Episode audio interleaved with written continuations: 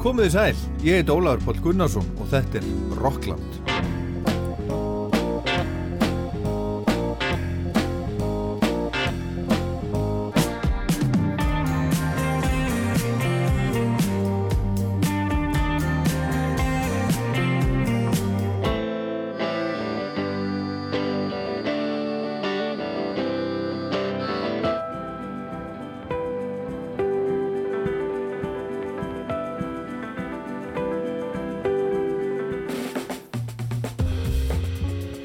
Æsland Ervefs fór fram fyrstu helgina í november. Rúmlega 150 listamenn og hljómsveitir spiluðu meir en 250 tónleika í það heila í aðal dagskrá og off-venue eins og það heitir.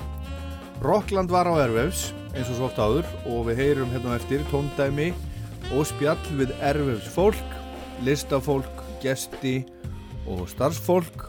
Þessi þáttur er tilengaður Æsland Ervefs 2023 að mestu þessari merkilegu og mikilvægu menningarstopnun sem hátíðin er orðin fullöngu. Ég heiti fullt af fólki á Erfs, ég talaði við marga og fólk hafi alls konar að segja. Músikinn var alls konar og fjölbreytt og við heyrum í dag upptökur frá Erfs í ár með ýmsu góðu fólki og bara allt mögulegt og við skulum byrja á að hlusta á Bríeti syngja Áskir Trösta í listasafninu 50. kvöldið á Erfs.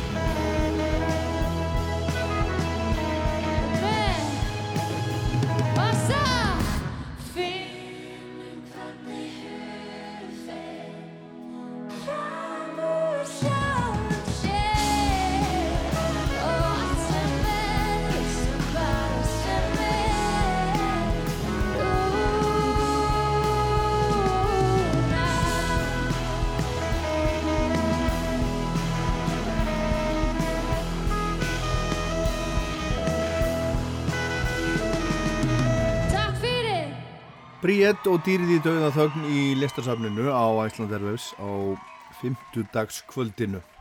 Þetta er tekið af plötunni eða hún söng þetta á blötunni Stóra Agnarögn sem var svona áskeis ammælisplata sem var gefn út í tilöfni af, af tíu ára ammæli blötunar dýrið í dauðaþögn. Og Bríett, hún er með tónleika sé ég 17. desember í Silvubergi hún sést alltaf að vera með, með svona jóla ívaf, jóla bland við hennar einn tónlist. Og með henni verða Magnús Jóhann, Ragnarsson, Bergur Einar Dagbjörnsson, Daniel Fridrik Böðvarsson, Tómas Jónsson og Þorunleifur Gaugur Davísson allt saman, þetta er allt saman snillingar. En Anna Ástildur, hún er ein af konunum á bakvið tjöldin, hún starfar hjá Senu sem stjórnar og heldur utanum og heldur Æsland Erfus Við langaði að ræða þessu þig um, um svona, svona tölur og svona, mm -hmm. hvað Þetta eru, þetta eru uh, sex við, svona aðalega ekki? Er ekki meira, er ekki átt? Sjö, Jú, átta. Já, átta, já. já. átta svið. Já. Uh, sko, hvað eru margir gestir? Það er, hvað eru sko, margir með arband? Dögum, já, ætla að vera með dagspassana líka. Þannig að þetta er svona 5-6-7 manns í heldina, fyrir svona sveifla svolítið eftir dögum. Já, er það? Mm -hmm. 5, 6, 7 þúsund. Er það svona svipað hefur verið eða er það minna eða meira? Um, það er bara svolítið svipað hefur verið síðastlegin ár. Um, við náttúrulega, hátíðin var áður fyrr miklu lengri. Hún var miðugudegi til sunnudags mm -hmm. og miklu fleiri vennjúar og svona. Og við hérna höfum bara verið að láta hátíðin að passa rosa vel við fjöldan sem kemur ynga. Þannig að það er einhvern veginn alltaf góða fílingur alltaf hvert sem þú færð. Engun tíman manni eftir því að það var óanægja með fólk, þá voru að býða lengi í byðröð og eitthvað svona og, og kannski í, þú veist, hálf tíma í byðröð eða, eða lengur, er eitthvað, eitthvað svoleiðis núna? Um, það verður náttúrulega kvöld þegar Bombay Bicycle stígur á svið, það er alltaf þannig þegar stóru böndin spila að því hátíðin, þetta er náttúrulega bara byggt inn í hátíðina, þetta er ekki eitt stort tónleikasvæði, og meins þegar tónlistarhátíð í lögadalunum eða eitthvað svona, þetta eru bara litli tónleikastæðir svo stundu bóku við eitthvað band og það bara myndast einhver híti fyrir því eins og í fyrra finnski harmoníkuspilarinn og þá bara allir að bara að missa sig yfir honum og það gerast ekkert fyrir henn bara á deginum. Þannig að hann var að spila gauknum og rauði allan ringin Já. og þarna er svona alltaf að vita eiga allir að vita að stóru böndun sem er að spila á þessum fínu slottum í listafninu eru vinsæl, það er alltaf pakkað og það er alltaf rauð. þannig að fólk það líka bara kunna með þetta En, hva, en hvað er þetta stóra operasjón? Ég menna þetta eru, þú veist, hundrað og, og hvað margar hljómsveitir? Já, sko, í taldir saman ekki er alla hljómsveitir sem eru að spila á háttíðinni og offenni og þá er þetta 150 bönd já. í kringum 100 official, eða þú sem við bókum og allir tónleikarnir saman eru 250. Ok, en hvað er, er, er eh, starfsfólkið mikið? sko, þetta er náttúrulega bara eitthvað, eiginlega bara þrýr starfsmenn í hlutastarfi mest allan á árinu og hann er náttúrulega bara við sem vinnir á sinu svo náttúrulega blæs þetta rosalega út þegar tíum byrjar og það bara er óhægt En ég menna, þú veist, ef við tölum tökum saman, þú veist, gestlufólk, hljóðmenn, rótara þetta, en þetta eru mörgundur mann, sko. Er það?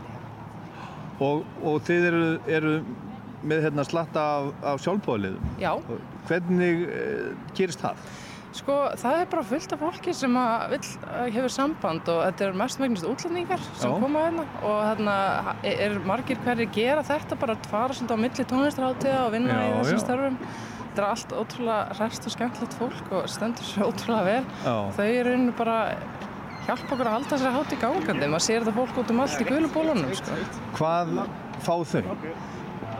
Þau fá miða átíðana. Og ekkert annað? Þetta er bara sjálfbóðilega. Og hvað, hvað þurfa þau að, að, að vinna mikið? Um, það, sko, það er svolítið misætt eftir hlutur. Það eru sumir sem eru að vinna svona 8 tíma vaktir og svo eru aðrir sem hafa sérstaklega óskað eftir því að sinna ákveðinu hlutverki eins og það er rosalega algengt að fólk sækja mjög í ljósmyndrateimið og kontentteimið. Það er aðeins meiri keistla, það er aðeins meiri klukkutímar sko. Þannig að það fer svolítið svona það sem fólk Já, þannig að það eru sjálfbóðlegar í því líka? Já, það eru nokkur sjálfbóðlegar í ljósmyndrateimið. Skemmtilegt. Þeim finnst þetta bara ógæst að koma. Það er til fólk sem er til í að vinna á þess að fái beinharda peninga fyrir það. Já. Það er bara mjög gott að vita það. Herru, takk fyrir þetta og gleðilega hátíð. Sjöfnleðis. Thank you very much. Have a great night. Have a great weekend. Thanks for having us with Bombay Bicycle Club. We'll see you next time.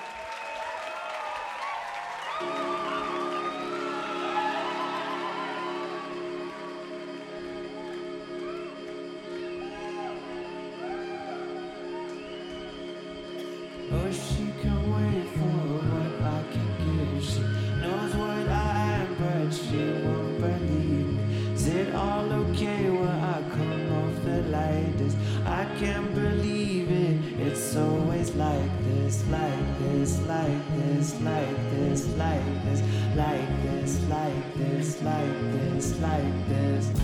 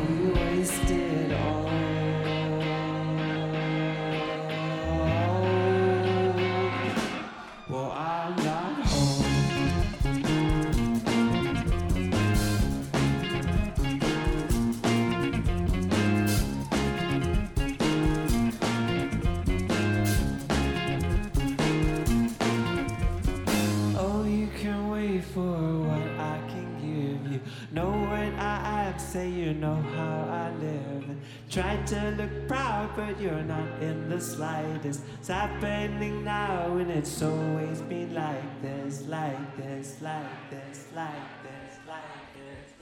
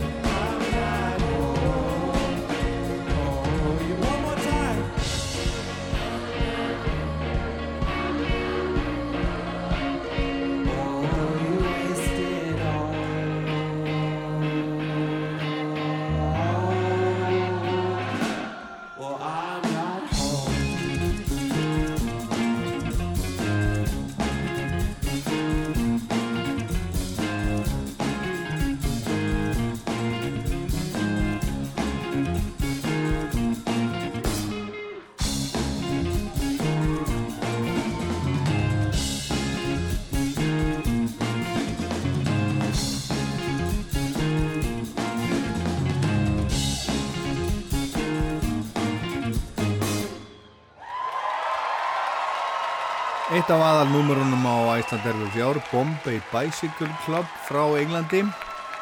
Always Like This, eitt af þekktustu lögunum þeirra og þetta var tekið upp í listasafninu á fymtudeginum á Erfus sem var annar november.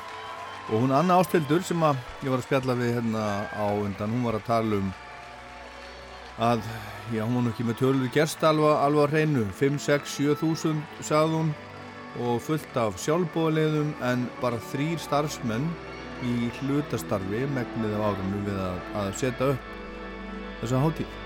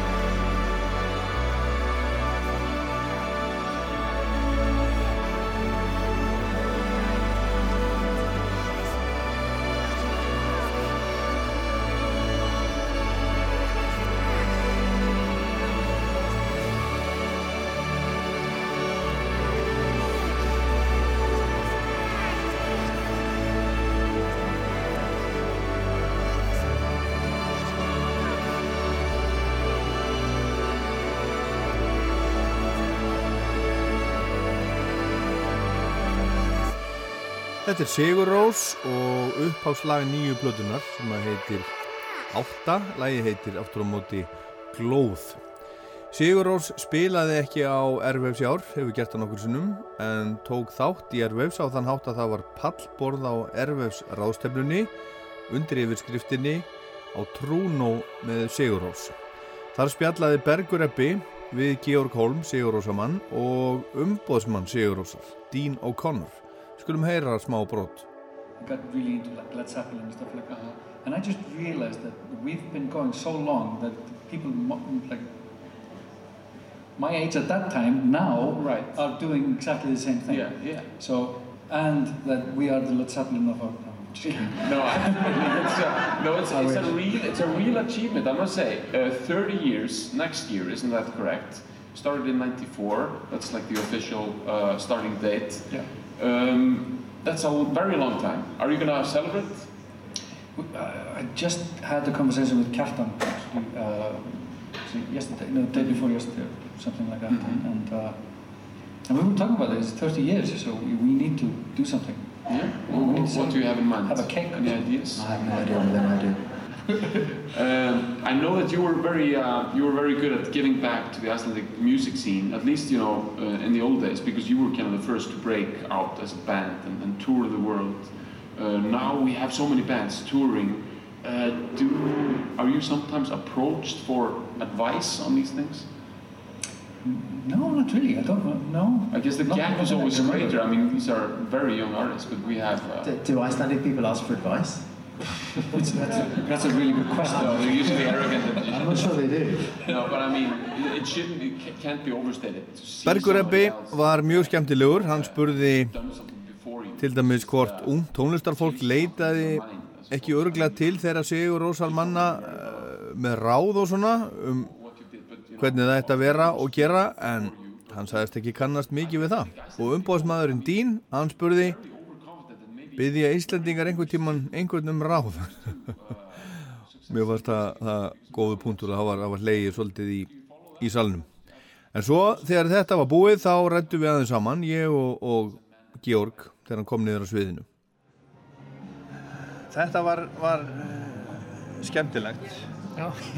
Hérna, eh, hvernig er að eh, svona tala ennsku og heimavill?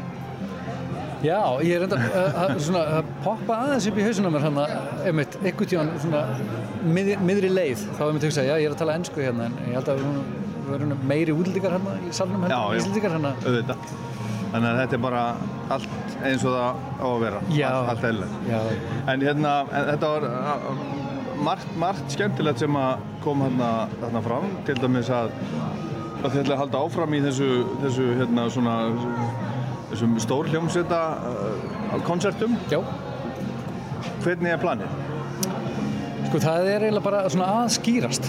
Svona, það er, við erum að setja það saman, eða umbadnir og, og, og, og liðið í kringum okkar er að setja saman. Þetta þannig alltaf eitthvað er að, það er alltaf að make, make a sense á eitthvað, eitthvað nátt sko, en, en við ætlum, þetta er bara, það er svo gaman að spila þessa, þessa, þessa strengja tónleika sem við erum með, sko, hérna, þannig að við bara viljum halda þessu áfram og þetta er hérna okkur langar líka að reyna núna kannski að fara á staði sem við höfum ekki farið eða ekki verið lengi og íminnslegt annars sko. þannig að við ætlum að reyna og, það á eiginlega eftir að koma í ljós ég þóri ekki að lofa neina því þá, þú veist, þá Já. verð ég drepinn fyrir að ljúa en eru þetta sem sagt, þetta eru, eru symfóníuljómsveitir?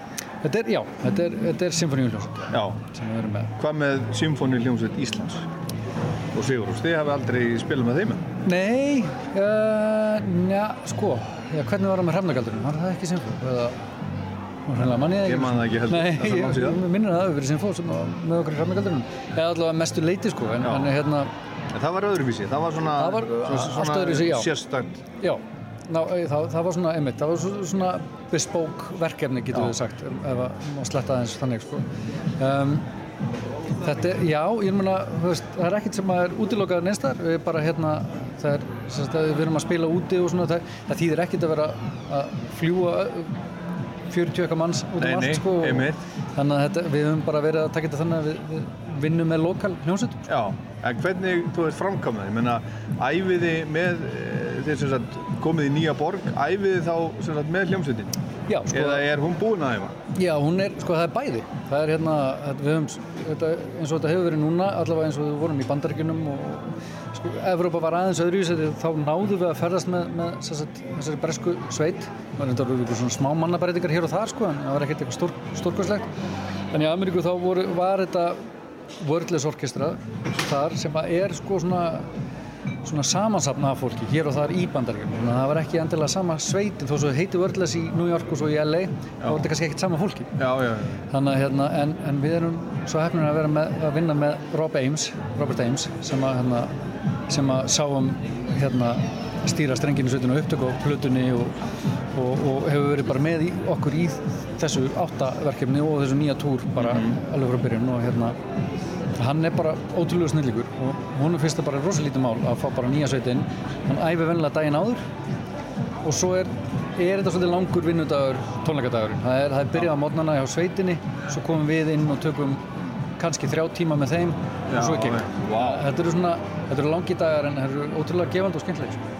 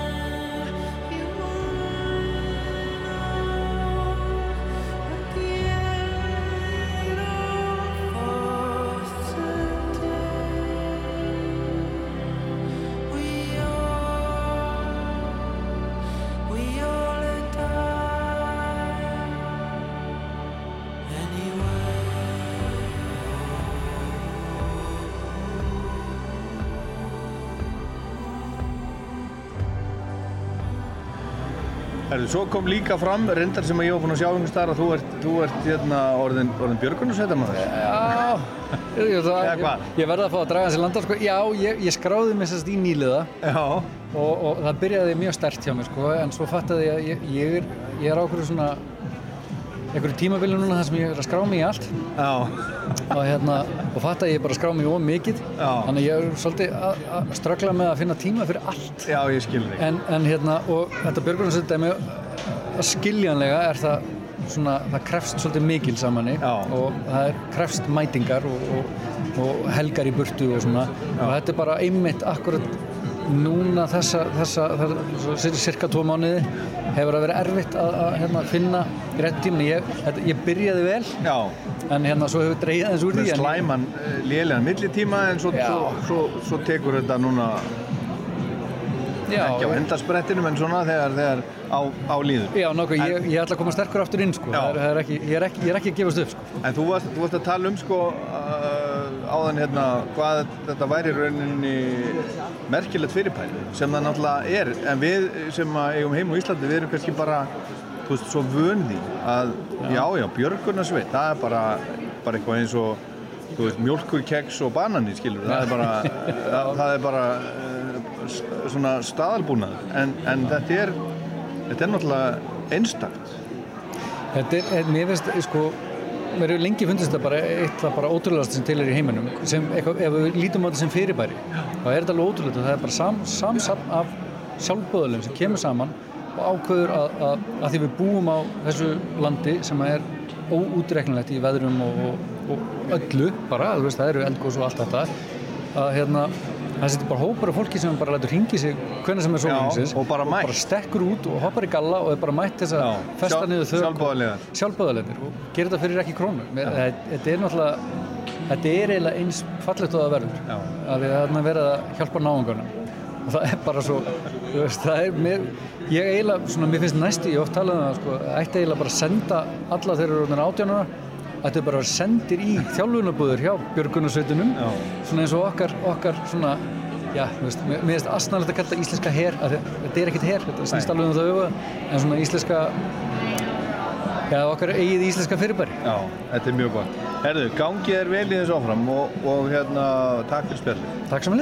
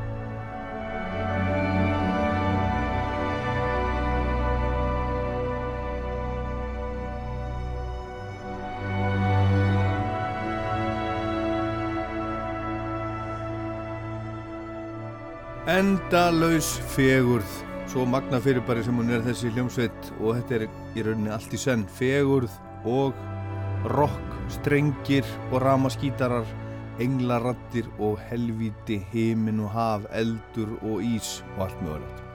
En nóga dramatík í bylli. Þarna skömmu eftir að við Georg Holm spjöldluðum saman var verðluna afhending í Ervefs miðjunni, miðjunni, Ervefs Center, Plus Awards eða Plus velunin. Íslifur Þórhalsson er framkvæmdastjóri Æsland Ervefs, tók við af grími allarsinni fyrir nokkrum árum þegar Sena tók þetta yfir. Hann er einn af mönnunum á baku tjöldin. Þetta er sem sagt náttúrulega bara kjarnin í Æsland Airways og heili tilgangur með Æsland Airways og ástæðan fyrir fór að stað var að koma íslenski tónlist á framfæri og þetta er það bara gert með því að halda hátíðan og gefa þeim plattform og draga fjölmjölega til lands og fá aðtegli en hérna okkur langaði að gera þetta líka bara svona með alveg algjörlega beinum hætti. Og við tengdum þetta saman við það þegar við vorum að taka við hátíðinni og var svona einhver fórgansarband í gangi sem voru ekki selt þannig að það var eiginlega bara fólk sem þekkt einhvern sem fekk þannig svo má hérna erfis eiginlega ekki vera með neitt sem heitir VIP því það er ekki alveg hæfi. Já. en við byggum til eitthvað sem heitir plussafæsla þannig að það færi smá fórgang en þú ert í leiðinni að styrka Íslands bönd af því að hluti af tekjunum fer í svona sjóð og svo eru þrjú bönd sem eru valinn á hverju hátíð sem við erum eiginlega bara að veðja á og eru að svona snemma í ferlinum, kannski ekki alveg að stíga þessi fyrstu skau en svo til. Og við ætlum bara að rétta þeim pening þannig að styrkja þau í þessu bröldi sín þannig að þau geti tekið þetta á næsta level. Þannig að alltaf þrjú bönd eftir hverja hátíð fá pluss valinu.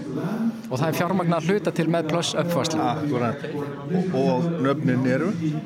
Það er verið að tilkynna þau núna meðan við tölum saman. Ef ég segja þau nú þá kannski heyrir það einhver áður en þau segja á svið þannig að eftir smá stund heyrir þau nöfnin. En þau standa við hliðina þér. Þau eru hérna við hliðina. Tilbúin að taka móti vel Takk fyrir spila.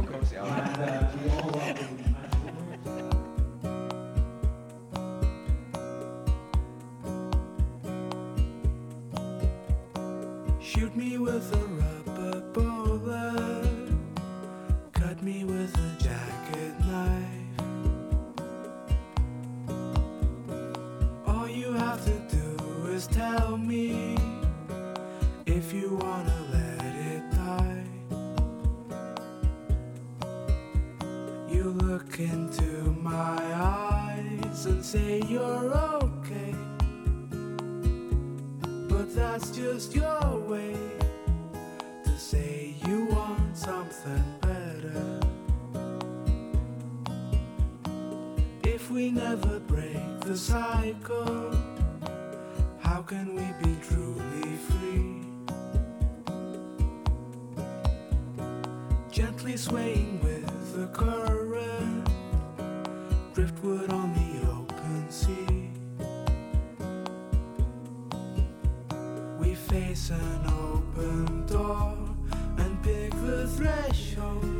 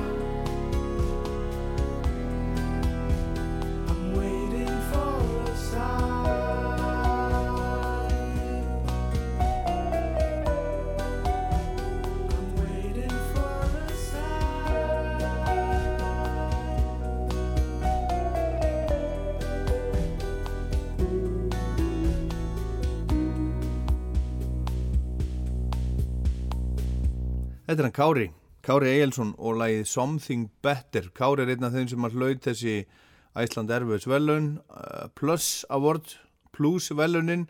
Það voru sér satt Kári, Konguló og Gugusar sem að uh, hlutu hverjum sig 350.000 krónur í verðlaun. Þetta er satt viðurkenning og, og verðlauna fjö og það er framkvæmda stjórn Æsland Erfið sem að myndar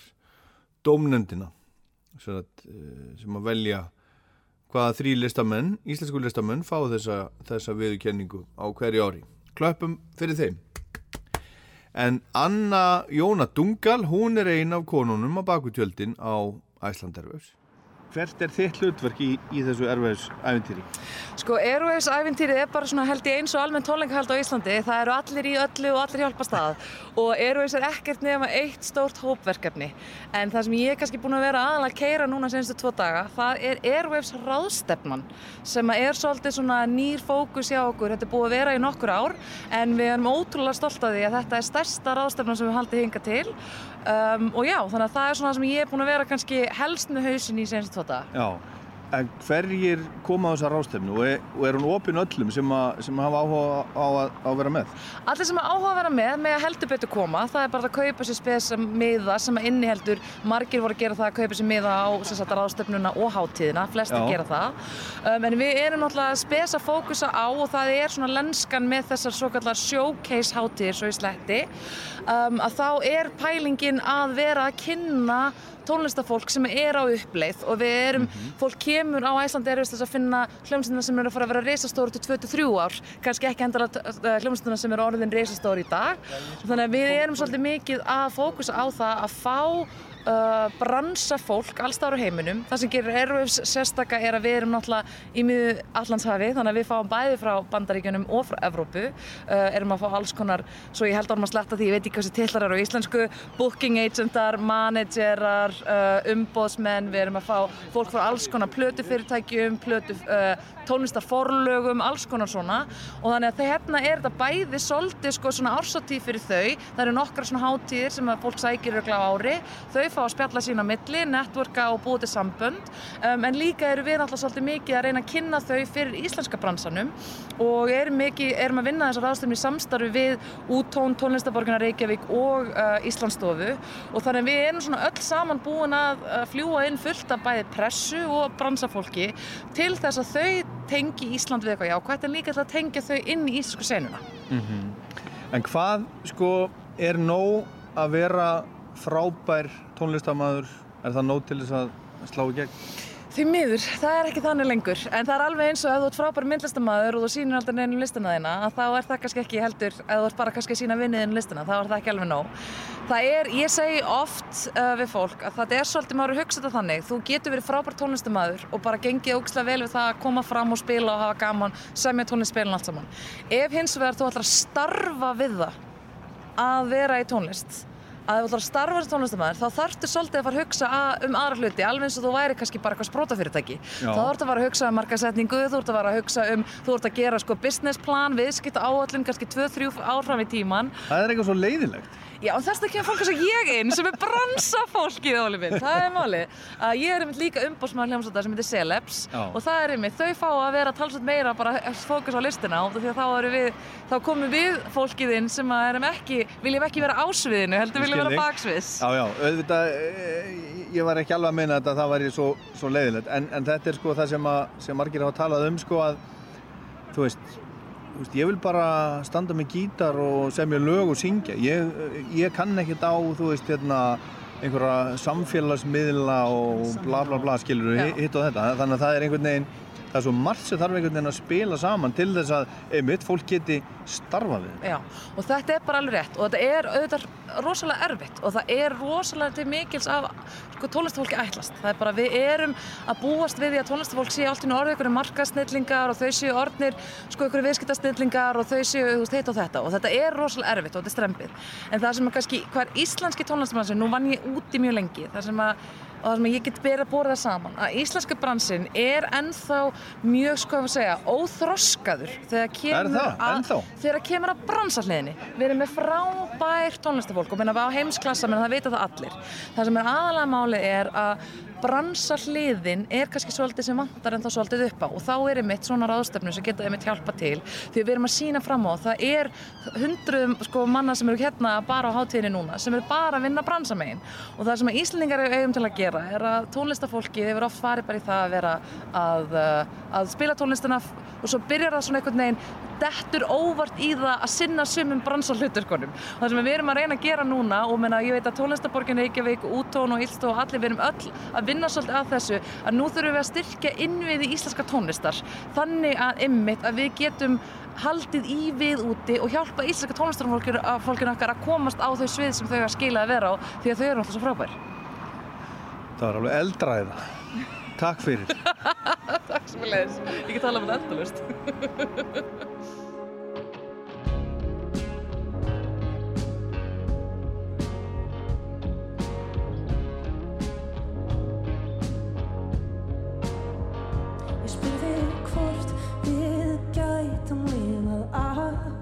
í kúlu þar sem ljós kemst inn og ekkert út. Hvort við gætum skapað okkur heim sem væri okkur nóg og skrúfað fyrir stúd. Ég er ljóðskáld, þú ert líffræðingur, sköpun þróu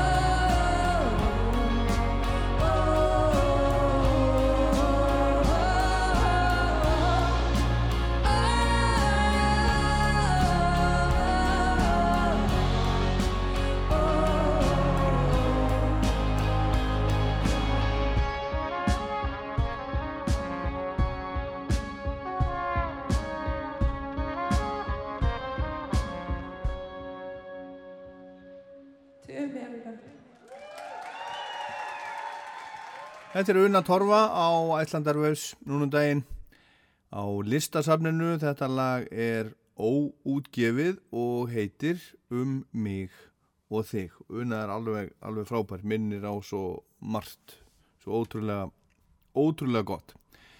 En hún var að segja okkur frá hérna á þann, hún Anna Jóna Dungal sem er í, í Æslandarvefs teiminu. Margt áhugavert sem kom fram þar. En svo er það Önnu Jónusson listamæðurinn sem að kalla sig Önnu Jónusson, hann spilaði í Gamla Bíó á lögataskvöldinu og það var frábært lið sem var með hannu þar. Helgi Svavar Helgason á trommur eh, Sigur Gummursson á bassa Þorstein Einarsson, Steini Hjálmur á gítar Litli bróður hans, Áskei Trausti á gítar Samuel Jón Samuelsson á básunnu og Kjartan Hákonarsson á trompet. Við skulum heyra uppháslag þeirra, þeirra tónleika sem er ekki eftir Önnu Jónusson, heldur er það eftir Daniel Johnston sem að koma einu sunni og held tónleika í Reykjavík en er núna látin.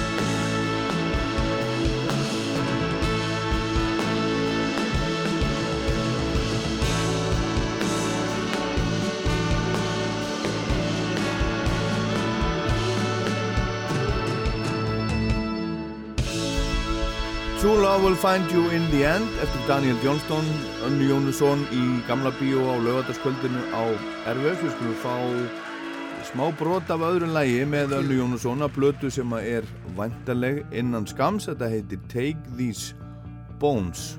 Svo höldum við áfram með Rockland hérna á eftir.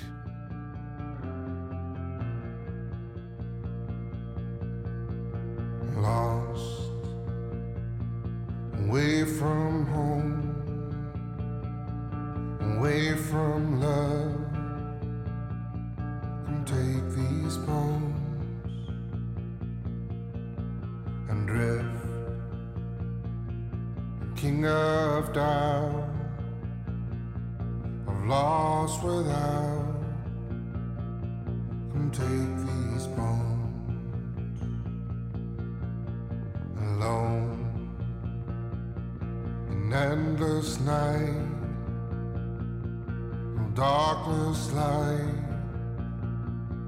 and take these bones.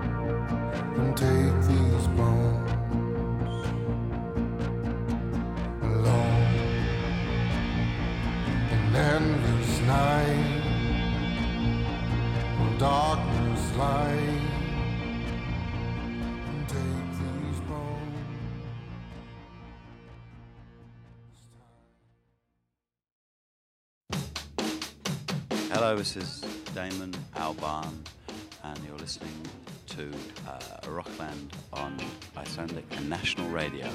Takk. Ég hef nú haldið það. Þetta er Rockland á Rárstöðum, ég heit Ólafur Pál Gunnarsson og þessi þáttur er númer 1324 í rauðinni. Bara til þess að halda utan um það. Ég reyna að passa alltaf upp á, upp á númerinn og skráningu. En við erum á Æsland Airwaves í ár, þessi þáttur er tilengaður Æsland Airwaves.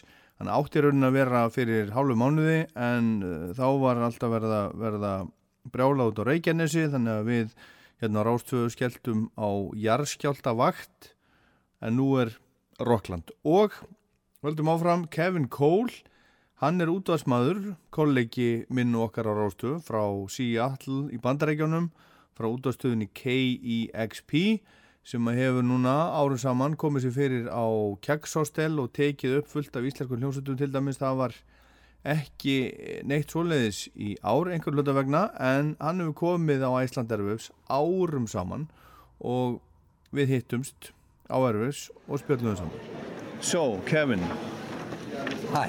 hi. Nice to see you here in Iceland. It's great to see One- you. Once again. Awesome. How, and uh, this is trip number what? Oh man, I this this would be um, probably 15 airwaves. 15. And, and probably 20, 25 times to Iceland, Wow. and I love it, and I just always miss it. And it was so great to uh, just be here. Uh, What is it that you like like about this place? Man, you know, for us, it's musically, it's incredibly creative, and there's so many remarkable bands. And then for me personally, with KEXP, over the years, we've just developed these beautiful relationships with with artists and people here. So I feel like a sense of kind of coming home every time I get here. It's an opportunity to see and reconnect with people like you. you, you know that that. Uh, I know you are traveling all over the world. You are going to small and big big festivals all over the world. Are we are we different from like you know Norwegians or or Swedes or or, or people in Poland? Or, you know. Who knows? I, I've never been to Norway or Sweden, but you, you know, you know, there's like an incredible scene here that's way more vibrant than most places in the world, right? The concentration of, of remarkable talent is is stunning, you know.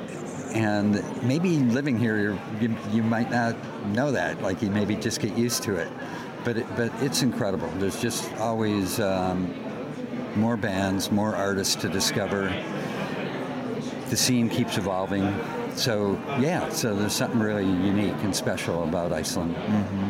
And and and one of the things that um, foreign guests uh, talk about this special about Iceland is the this mentality that you were talking about. Read us, everything will work out. Yeah. We will find a way. Yes. Is there is that uh, did you come to uh, some uh, conclusion here?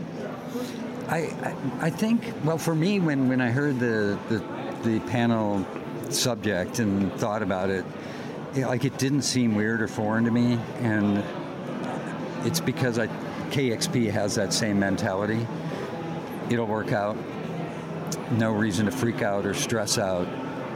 But you have to deliver as well. Uh-huh. And with the Icelandic bands, we've always delivered. All the broadcasts here have been fantastic. I think about, I think it was 2012 when Hurricane Sandy kind of hit North uh, North America on the East Coast, and uh, you know New York City got flooded, and the tail end of it came up here to Iceland. And it was during the broadcast, and I think it was two kilometers per hour less than being categorized as a hurricane. So it was basically a hurricane, right? And people were being swept off their feet. and- Yeah, yeah, yeah. And not a single band showed up late that day. No. And I was nervous. I was like, what's going to happen? The broadcast is, you know, might not be able to happen. And sitting up at Kex and watching the waves crash over, you know, the main street. Um, and yet every single band showed up on time. No stress. Like, reddast. yeah. and they did it and they delivered. And it was great. And in the end, like, everything happened. Yeah. You know, and it all worked out. And Kevin, great to have you here again, Always great again to be and again. And and is there any any uh, like um, new favorite this year? Well, I'm super excited to see Groa. And we did a we did a session with them in 2019. They were in Seattle a month ago. They were phenomenal. They keep getting better. You know, maybe they're not exactly new, but they're still kind of an up and uh-huh. coming band. I think, right? Would you consider them that way? Mm-hmm. So, so yeah, Groa. Groa. Love Daniel Yalm Tyson. Very much a Seattle kind of record. Mm-hmm. Um, yeah, yeah, yeah, yeah. Yeah, yeah. So that's been great. And uh, Ada Sevenson, again, maybe not exactly new, new. And then I'm looking forward to seeing as many bands that I have no idea about. Yeah. Great. Thank you very much. Thank you so much. Nice, nice Great to meet see you. Just like the rain.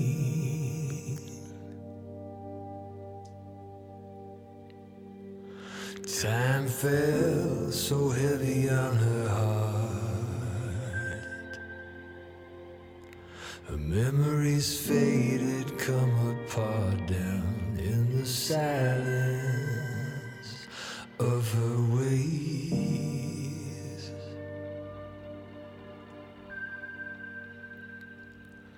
Castles of pain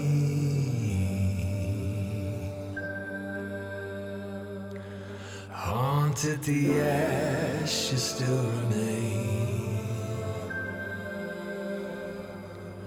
deeper than she ever could explain down through the silence in her grave.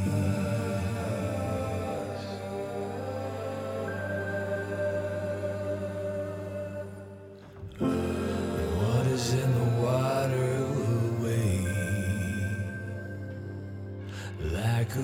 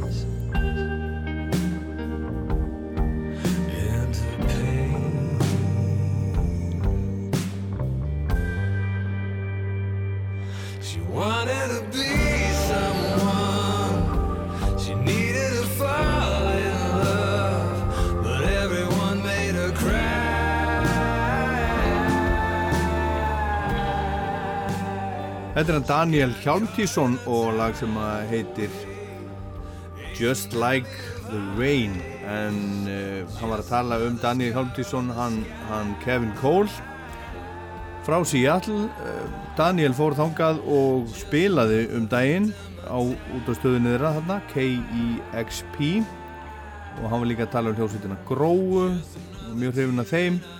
En við vorum líka að tala um, um þetta reddast þetta viðhór sem útlendingum finnst mörgum, einnkjanna Íslandinga sem að, að kynast okkur aðeins.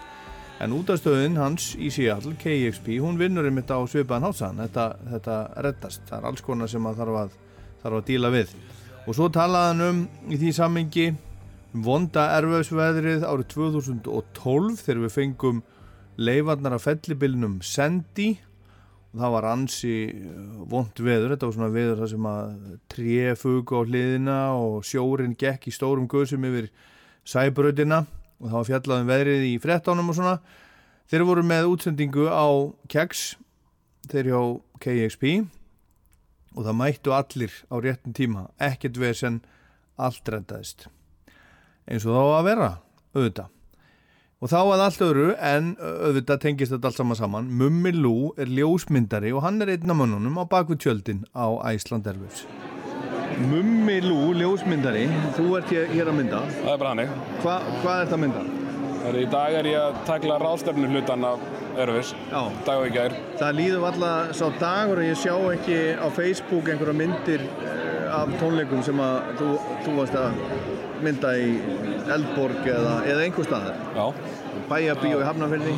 Þú ert, bara út um allt. Það er bara hannig. En, en, hvernig er sko, ef þú ert að mynda til dæmis tónleika í Eldborg, er þetta ekki alltaf sömu sjónarhóttnin og svona, er ekkert erfitt að reyna að fá eitthvað svona nýtt út úr þessu? maður reynir að krytta eitthvað upp úr því sko. þetta er náttúrulega takmarka sem mástundu gera sko. en, en maður reynir alltaf að brjóta það upp og, og reyna alltaf að gera eitthvað sem ég ger ekki síðan sko. Já, eins og Stund, Stundum texta, stundum ekki Eins og? Það eru bara vinklar, mismunandi linsur, þetta er allir fjandi hérna, basically sko. En, en sko kassan En þegar þú ert að mynda mynda til dæmis í Eldborg þú veist, ert að mynda þá alla tónleikana eða er eitthvað svona er eitthvað svona system á því?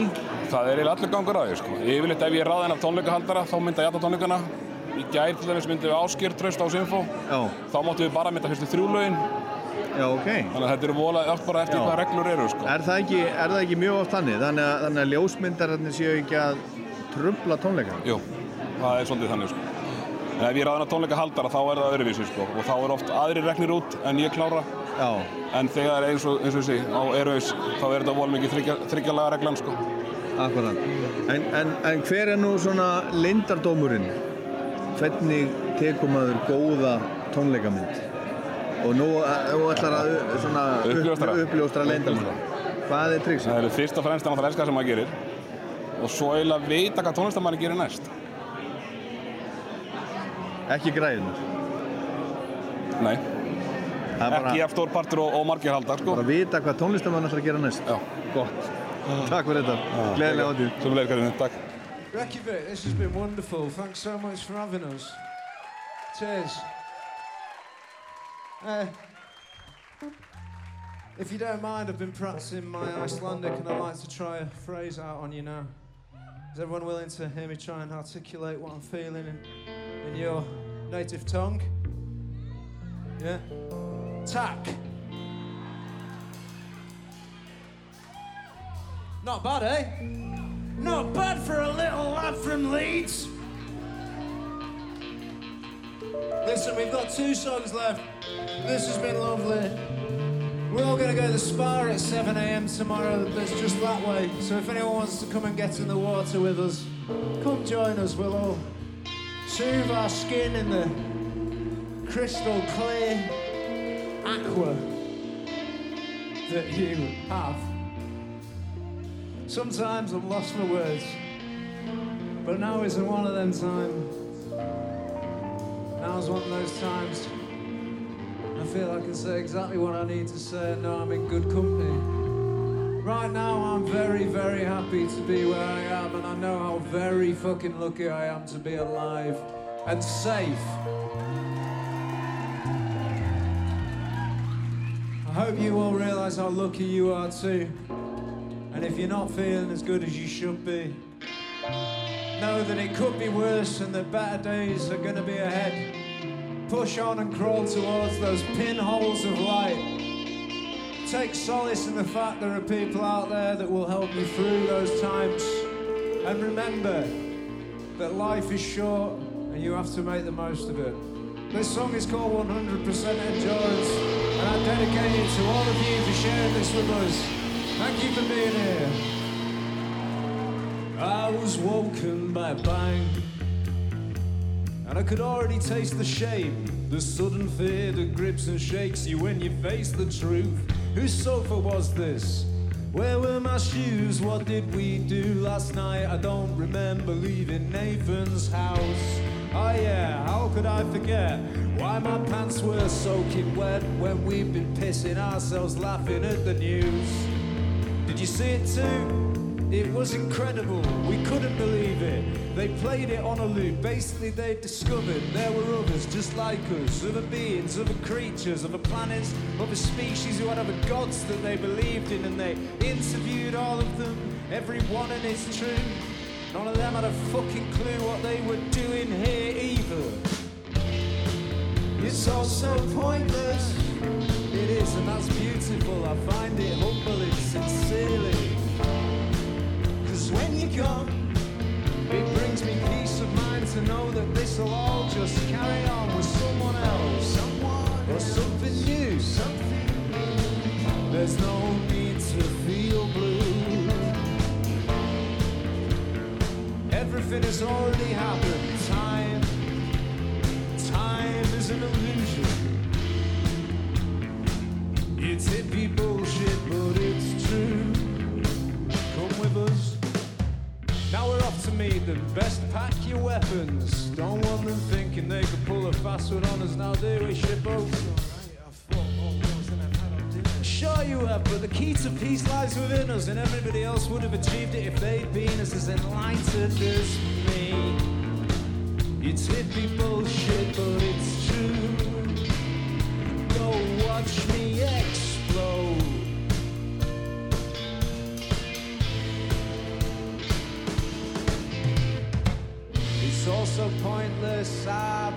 not though, is it? It's really real, and when you feel it, you really feel it. Grab somebody that you love, anyone who needs to hear it, shake them by the shoulders, scream in their face. Death is coming for us all, but not today. Today you're living it, hey, you're really feeling it. So give it everything you've got, knowing you can't take it with you, and all you've ever needed to exist has always been right here.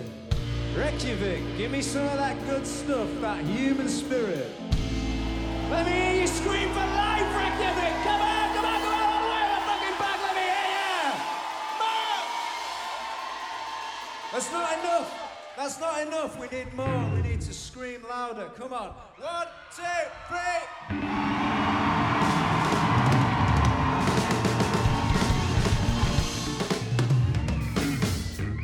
Fuck it, I'm feeling good. Let's milk it one more time, baby. Reykjavik. One, two, three.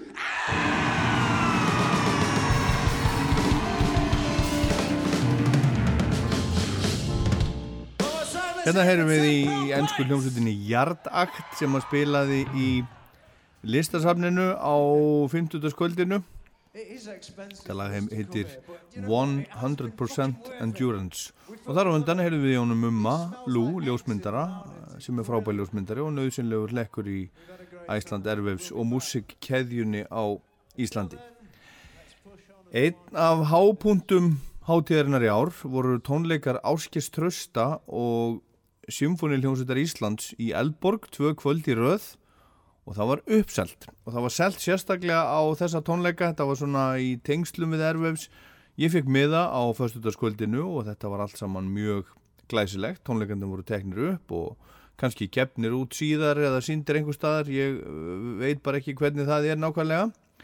En stjórnandi þessara tónleika var maður sem heitir Anthony Whedon, englendingur sem hefur unni með fólki eins og David Byrne og Anna Calvi, David Arnold og Jóhanni Jóhansinni og fleira góðu fólki. og ég bankaði upp á hjá honum baksviðis eftir tónleikana og spurði hann hvort ég mætti ónaðan í smá stund.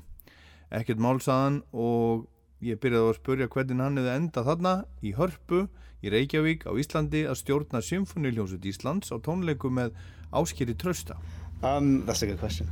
Uh, so, uh, I w- did some work a long time ago with uh, Anthony and the Johnsons and toured with them about 10 years ago. And the, um, Anhoni's manager, um, I think, has a connection with Alskiata. So, uh, a recommendation came through uh, for, for me to come here. Um, and I was very excited, glad gladly accepted. And um, I'm, I'm so happy that, that I did as well, because this has been a very special event. I wasn't very familiar with Alska's music before, um, but um, I love I love it. It's you can lose yourself in this music, and he's such a gentle, lovely man, um, and, a, and a wonderful artist. That, that, um, I've enjoyed every moment of this week. It's been very very special. My first time in Iceland, Uh-huh. so I've seen a few sights. Uh, Uh-huh. the, the orchestra, wonderful, world class, and um, a, a joy to, to work with. Everyone's very professional and um, very um, amenable, flexible, and uh, and really lovely to work with. So I have a, I've had a lovely time. Yeah. Good to hear. And and while I was uh, sitting listening, I was wondering how is it done? How does it work? You know, Yeah. how many practices and and, and, and things like that. And uh, Yeah. and how do you prepare? Well, there have been um, a team of arrangers, of writers that have been working with uh, Askia on on arranging the music, uh, his songs for the orchestra, and that's been going on for, I, I assume, months. Um, they would have received um, a, a- a specific demo from Askia, and with him singing a song with a particular structure, and um, they would be able to hear the vocals separately from other instruments they had been playing. They take that and then adapt an orchestral arrangement to it to match to fit, and um, then the orchestra come together. We rehearse for uh, two mornings, three Uh-huh. hours each, so six hours with the orchestra, um, and then another three hours just just to run the whole thing, a general rehearsal, sound check, um, and then we're here. Yeah, uh, Yeah. and the the music's not without its complexities actually. Um, you can lose yourself in this music. It's lovely and wonderful, but also there's some some uh, some complex rhythmical things going on that Uh-huh. is is not always. It's quite challenging in the environment that we play in, with uh, with the microphones and the big uh, front of house speakers. there are lots of challenges for the orchestra that they're not always used to. They're used to play Beethoven three next week will be an acoustic Mhm. um, uh, performance as usual for them. So it's uh, it's a different set of skills that they use to to do this and to collaborate. Um, so uh, yeah, it, it, it's, it's been a, a great experience for, for everyone. And I th- Askia, I think it's the first time he's worked with this Yeah. uh, in this environment with an orchestra, and I hope I hope that he'll feel like he'll want to do it again someday. Um, so yeah, very enjoyable. It was beautiful. Thank you very much. Thank you very much. Thank you.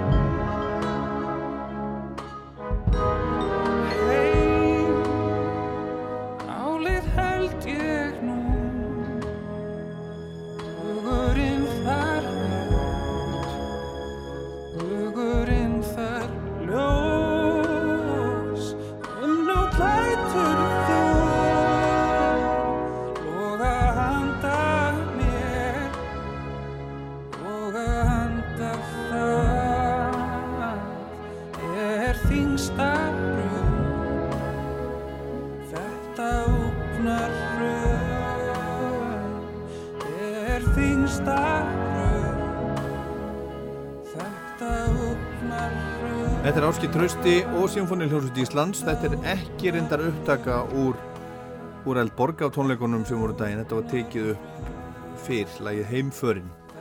En hann Antoni Víden sem að stjórnaði þessu öllu saman, hann vann áður með Anthony Andy Johnsons fyrir svona áratug og þar myndaðist tenging, tenging milli Áskeis og Anthony Andy Johnsons og fólki sem er að vinna með þeim báðum og hann var búinn að vera hérna á Íslandi í nokkra daga þegar við spjöldum saman skoðaði sig aðeins um og hann fannst hljómsveitin frábæri Symfóni hljómsveit Íslands allir mjög næs og, og sveigjanlegir.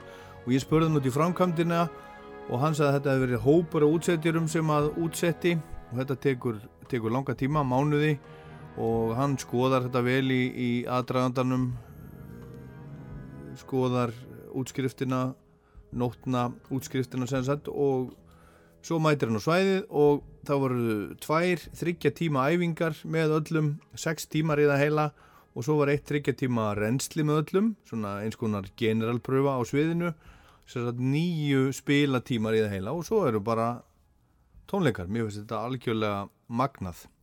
Og hann bendir á að, að symfóni hljómsveitir séu ekki endilega alla daga að spila svona músík með rafhljóðfarum og mikrofónum og, og söng meira í Beethoven til dæmis en það hefur allir verið í, í stöðu til að gera þetta eins vel og, og mögulegt var og Samuel Jón Samuelsson hann er einn af þeim sem að útsettu músíkinas áskers fyrir þessa tónleika Herðu sami, hérna, hvað útsettur eitt lag? Ég útsetti fyrsta lagi, já. Þú útsettir fyrsta lagi? Sem var ekki sungið. Já, svona, introið. Já, það er alveg lag, það er alveg lag, sko, heilt lag. Já. Hold, hérna, sem var bara instrumental. Það var ekki í rauninni bara svona eigin eitt intro, þetta var, var þetta heilt lag bara ósungið. Svo gerði þetta eina aðra úrsendingu en hún, vegna tímalengdar, þá, þá voru, voru nokkra sem voru, þurftu að, hvað sem maður, fóru á yfirfallið. Já, ok. Svona- svona ekstra langa? Nei, bara það passa ekki, þú veist, að, hérna, vegna tímalengdar tónleikana, þetta skera að En þetta Þú var... gerðir svona annað lag líka? Já, já. Já, já. Og ykkur aðri, það var útsett eitthvað meira en það. Það, er nú ekki aðalatriðin, en það var virkilega gaman að því að ég nú verið þáttakandi í þessu ævintýri frá upphafið síðan Kitty hringdi mig vorið 2012 Já. og hérna ég er að fara að gera hérna plötu með hérna litla bróður hans Steina, skilju. Ertu með að kíkja á þetta með mér og og já, já, auðvitað og svo fyrir að gera það og svo ger ég brast þar og svo náttúrulega er, hafa liðin 11 ár síðan og hann var bara hérna með fulla eldborg og og þetta er náttúrulega algjörð æfintýri sko og maður hefur fengið að vera svona viðriðin þetta þú veist, gera eitthvað smá hverju blötu þannig að þetta er svona, maður þykir alltaf rosa vænt um ásker og þetta verkefni sko. Já, en hvað, svona, eh, sko, hann sló náttúrulega bara strax í gegn með þessari fyrstu plötu. Bara, eh, það, það er bara eiginlega ekkert annað svoleiðis dæmi. Hann bara var lands, landsþektur bara á... Svona frumraun algjör. Bara á nokkru dögum í rauninni. Eh, Getur þú sett, eh, sett puttan á það eh, hvað það er sem að, sem að gerir hvað það var, af hverju hann heillaði Íslandinga og heillar enn svona mikið? Hann náttúrulega er alveg einstakur söngvari og, og, hérna, og fer vel með textan og textanir eru, ég held að þeir hafi hitt þjóðarsálina í hjartastað eins og hefur nú komið í ljós að, að hérna, þeir bræður hafa verið dullegir að mandriða texta föðu síns. Þannig að ég held að þeir eiga stóran hlut í því að svona fólk, ég held að Íslandingar séu alltaf sólnir í svona innihaldsrík, ljóðuríka texta sko. Svo er hann bara æðislega musikant og leikur í höndunum öll, öll hljófæri og hann alltaf, hann, kannski, hann, hann byrjaði ekki að spila gítar daginn áður skilur, hann er búinn að vera einmitt. undirbúið þetta þá hann að vera ungu, þá hann er búinn að, búinn að vinna vel í sínu og hérna, og hann er bara ótrúlega, þú veist, duglegur líka, hann alltaf, þú veist, þetta er búið að vera hardcore vinna á baku þetta allt, að hérna, taka þetta allt upp og taka þetta aftur upp og, og allt þetta skilur þannig að þetta er, hann voru virkilega duglegur og metnaðafullur. Svo var hérna, það voru hérna nokkur nýlög sem að hann tók upp í sömar hérna í, í fljótónum. Mér vorst vera eitthvað svona, eh, svona meiri, eh, svona, eh, svona meira íslenskt einhvern veginn í því heldur en, held- heldur en s- mörgu öðru sem, sem hann hefur gert. Já. Hvað finnst þér um það? Sko ég persónulega, ég hérna þykir svona vætna um og, og, og svona tengi við hann meira þegar hann syngur á íslensku sko. Ég held Já. að við gerum það mörg hérna og kannski þessi lög einhvern veginn komuð úr þeirri, þeim ranni sko. Já, Þannig þetta var svona, eh, myndi mig, þú þetta var bara svona, svona íslensk, svona, Já. svona svolítið bara svo þussaflokkurinn og, og það. Já, ég var að heyra þetta þau bara fyrsta sinn sko, þannig að ég bara reyfst mjög af og, og flott sko og flottir, flott pensla á baku hjá, hjá kollegunum minna. Já. Herðu, það er Iceland Airways og, og uh, þú ert nú búinn að spila á þeim mörgum. Jú, jú, bara frá upphafi, nánast. Og ert að spila í ár. Já, ég byrjaði í gær hérna fyrir aftan og tók hérna rosa skemmtilegan viðbjörn með henni Kristínu Björk, Kira Kira. Já. Vorum hérna á skútunni Opal. Opal, ég sá það. Það var rosa gaman og svo er, ég hérna í kvöld, sko. Svo er ég að spila með hennum Halla á morgun í Gamla Bíó. Önnu Jónusson. Akkurat. Og svo slúta ég svona, það er svona hliðar viðbörur. Ég og Yngvar í Lucky Records, við erum að DJ á kaffibarnum á sunnudaginn frá nýju. Spila afro og latin stuð. Þannig að þetta er mitt erfiðs í ár. Svo ætla ég nú að reyna að sjá, ég ætla að reyna að sjá Trendemöller með Dísu. Manga mikið að sjá það. Og hugsa að reyna að sjá Háska líka á, á laugardaginn í Gamla Bíó. Þetta er svona það sem ég er búinn að skáta. Gleðilega hátíð. Sumleis.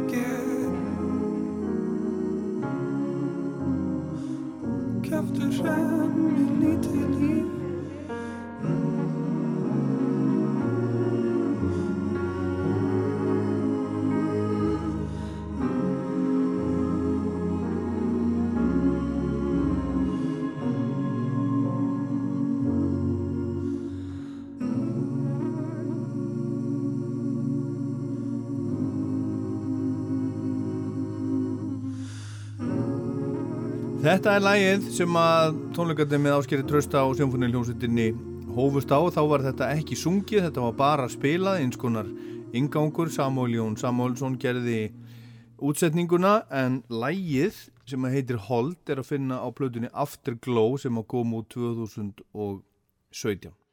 Já, Ásker, hvernig var uh, þetta að standa með, með symfóniljónsut Íslands í Elborg? Það var alveg magna, magnuð upplifun. Uh, ég hef aldrei gert þetta áður. Það er að segja að ég gerði þetta í gær svona, en, en hérna, þetta er bara alveg magna. Ég er búinn að fá aðeins að venjast þessu náttúrulega síðustu daga sem við erum búin að æfa hérna á sviðinu í Eldborg og Já. öll sveitin, þannig að það voru tveir dagar svona sem að var að venjast þessu. Að sitja inn í þessu rosa stóra sándi og, og svona finna hérna hver er að leiða, veist, það er stjórnandi og svo er það sveitir og svo er ég og við, ég og stjórnandi snúum baki annan, þannig að það tók svona smá tíma að finna út úr svo með tempo og svoleiðis, hver er að leiða hvað, er ég elda, eru þau elda með okkur svona, en hérna það var svona helsta áskorun fyrir mig, sko en, en þetta, svo kom þetta á þetta Ég var einmitt að hugsa eins og í, eins og í hérna, hérna regndrópalæginu. Já, nýfalli regn. Sko, það er erfitt tempo og svona. Já. Er það ekkert erfitt að, að hafa, að vera með symfóniljónsett og reyna að halda? Sko þau leysu það gríðarlega vel strax, það bara fyrsta reynsli þá var ég bara, hafði engar áhengur af því, sko. Það hérna, að því að það er trommur í, þessari útsetningu og þær eru mjög sterkar og þá er náttúrulega auðveldara fyrir sveitina Já, og já. mig að fylgja. Því að það er eitthvað, eitthvað, eitthvað sem að telur, telur hérna taktinn, sko. En, en svo eru lög svona erfiðara, jável bara einföld lög sem eru bara svona flæðandi og langir Já. hljómar, þar sem að maður skinnjar ekki alveg Nei. uh, tempóið, sko. Nei. En, en varstu stressaður? Ég var rosalega stressaður, já. Í, sagt, í kvöld og gæri? Já, ég, í gær aðalega sko. Ég er bara, eða bara síðustu, síðustu vikur fram að þessu er ég bara búinn að vera mjög stressaður sko. Er það? Fyrir þessu, já. Að þetta, þetta er bara allt annað en ég, allan upplýðið þannig, sem allt annað en ég hef gert og þetta er bara allt annað umhverfi og, og hérna mikið að fara út úr komfortzónum sko. Þannig að ég var helviti stressaður fyrir þessu. Og hvað hva var það? Ég meina, þú veist, af hverju er maður, er maður stressaður þegar maður er að fara inn í, inn í svona? Það er bara eins og ég segi, ég, ég, núna höfum við og, og ég spila um 600-650 tónleika út um allan heim en þeir hafa yfirleitt verið svona uh, svipaðir. Það er að segja, að, þegar við erum band þá, þá, þá hefur við eiginlega alltaf verið svona að svipaðri línu með uh, hérna hvernig við spilum og, og hérna líka bara þekkjum hvern annan og orðin svona, orðin svona tætt heild sko. og annars er ég, hef ég verið að spila einn eða með Júla sem er svona, ég hef spilað með síðan ég var krakki Mhm. þannig að þetta- að koma hérna einn og spila með ég veit ekki hvað mörgum 40-50 eitthvað hérna manns og með stjórnvanda sem ég hitti bara fyrir tveim dögum og, og hérna og með hinum og þessum útsendingum eftir hinn á þessu aðila það, það, er bara ansi mikið svona skref út fyrir hérna já. og svo Ég- er þetta líka svolítið formlegra en allt sem ég hef gert þannig að maður stendur eins og einhvers konar einsöngari sem ég hef aldrei beinleinis þek, svona fundist ég vera þannig að uh, þá fannst mér það líka vera svolítið stressandi sko. En, en hvernig svona, svona orkan í hópnu þegar þú komst á æfingu hjá Symfóni í ljósutinni og leiðir eins og þú, værir eh, svona, tókuðu vel á mótið þér? Já, já, algjörlega. Mjög vel sko. Og, og að, hérna hjálpaði mikið að stjórnandinn hérna Antoni er svo frábær náungi sko. Við hittum hann aðeins daginn áður en fyrsta æfingi var og, og ég gæti svona, já, ég róaðist við það að hitta hann, hann er bara svo óbúslega hverstagslegur og, þægilegur sko. Og hérna, þannig að hann var strax svona búið að róa mig og svo svo hef ég nú ekki kynst öllum í sveitinni auðvitað en hérna en, en, en þau eru náttúrulega bara óbúslega mikið svona mikið professionalismi hérna hjá þeim í þessu og, og hérna við þurftum bara örf á reynsli til að fara í gegnum þetta og, og hérna bara magnað að sjá hvernig þetta allt starfar sko, og gengur Já, já. En þetta var mjög gaman, takk fyrir Já, mig. takk og, fyrir það. og hvernig líður þér núna? Og hvað ætlar að gera núna? og léttir, léttir núna sko. um, Það sem ég er að fara að gera morgun er að ég er að spila í hljómsveit eh, sem kemur fram klokkan 8 í gamla bíó. Þannig að ég er á gítar.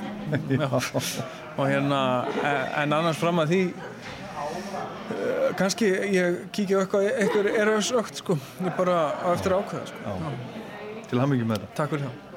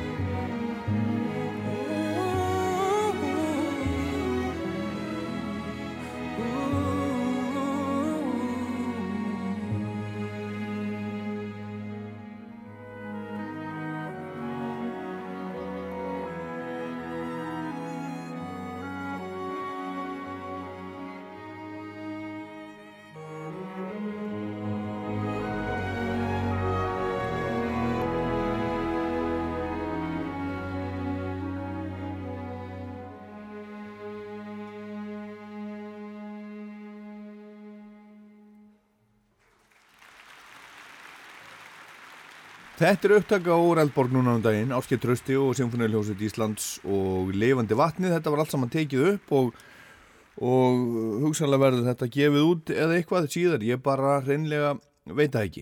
En ég veit það að á lögadeginum á Erfeus, þar rakst ég á tvo góða menn fyrir utan, eða í tröppunum fyrir utan 12 tóna, þar voru að byrja tónleikar, off-venue tónleikar með hljómsveitinni Space Station. Ég heiti Stefán Eiríksson út á stjóra og Sölva Blöndal framkvæmdastjóra Öldu Music og auðvitað trommara í Kvarasi.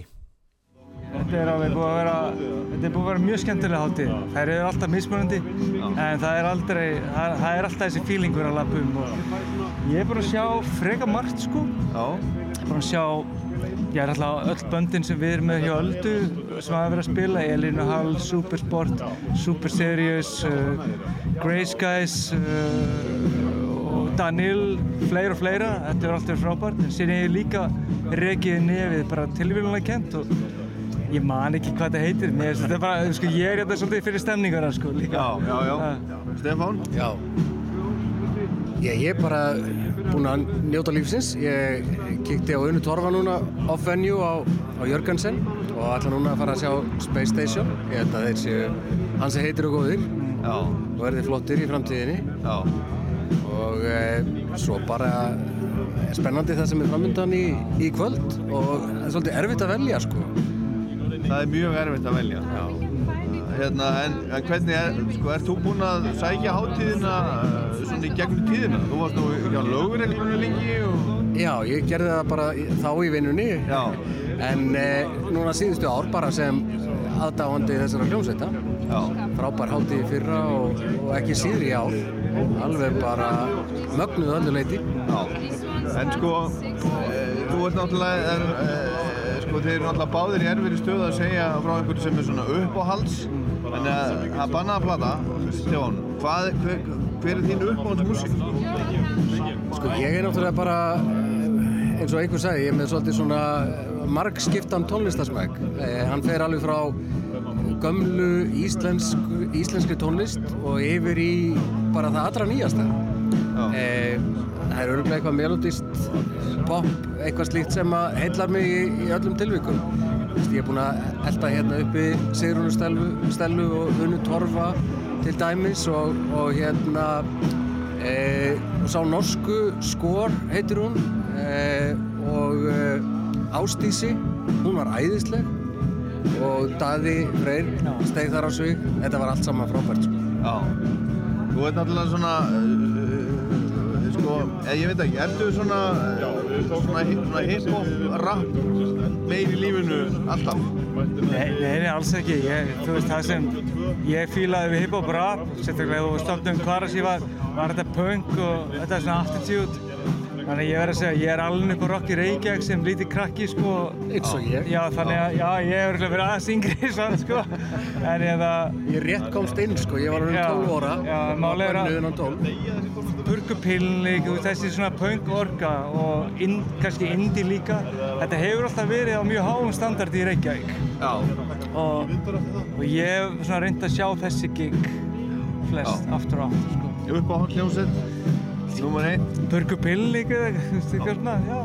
er- E, e, bara yfir höfuð eða? Já. Já, yfir höfuð. Það er, við- þá erum við bara að tala um spilverkið og, og stuðmenn og þursanna og baraflokkinn og allt þetta sem að málið skiptir í íslensku tónlistar. Já, í þessu íslenska, sko. Já. Í þessu íslenska. Já, já, já. Það er alltaf síðan erlenda. Það, við erum ekkert að tala um það í dag. Nei, nei. Rocky Reykjavík, herðu, gleðilega hátíð. Takk fyrir takk, sumulegis.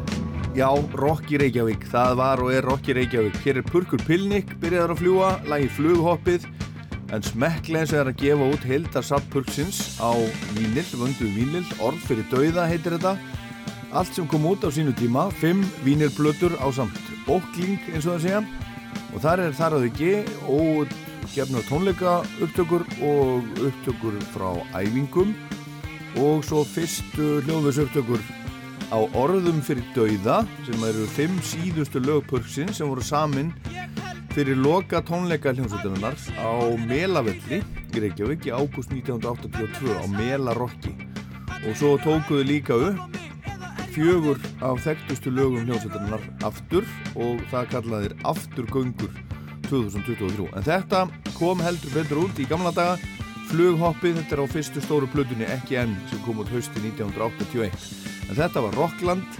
Ég minna á að það er Rockland á netinu og á streymiveitum rú.is og í rúvappinu ég heit Ólafur Páll. Takk fyrir að hlusta